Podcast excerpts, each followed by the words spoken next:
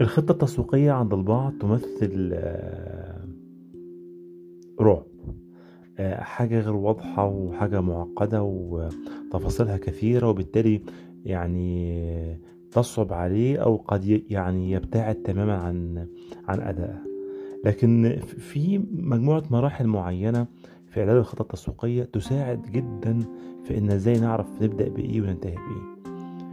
أهم نقطة في الخطة التسويقية ورقم واحد هو تحديد رسالة المنظمة وأهدافها الرئيسة وده لا يتحقق إلا إن لما تقعد مع الإدارة العليا وتشوف الرؤية عندهم والرسالة والقيم وإزاي الخطة التسويقية تتماشى وتتناغم مع الأهداف والرؤية والرسالة في تحقيق الأهداف المطلوبة لهذه السنة.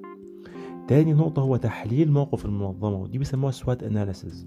اللي هو مواطن القوة والضعف والتهديدات والفرص تاني حاجة هي تحليل موقف المنظمة ودي بيسموها SWOT analysis في أكتر من تحليل لكن هو الأقرب الأكثر شهرة هو SWOT analysis وده اللي إحنا نشوف مواطن القوة ومواطن الضعف ومواطن التهديد والفرص الخاصة بالمنظمة.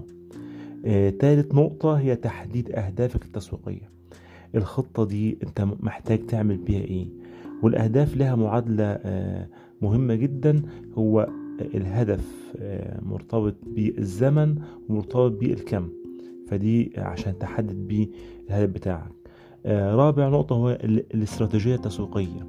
وهنا هنشتغل على المنتج هنشتغل على التوزيع هنشتغل على خط الإنتاج على المبيعات إلى آخره.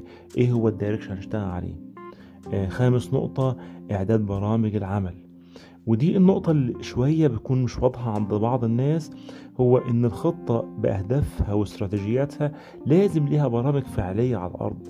لازم نشغل قسم الإنتاج بشكل أكبر قسم التسويق بشكل أكبر نعمل مزايا خاصة في المبيعات نعمل مزايا خاصة في أو offers معينة أو عروض معينة خاصة على المنتجات ده عشان يحقق ال target التسويقي أو الهدف التسويقي اللي إحنا عايزين نوصل آه بعد كده عندنا ما يسمى آه الموازنة والرقابة التسويقية.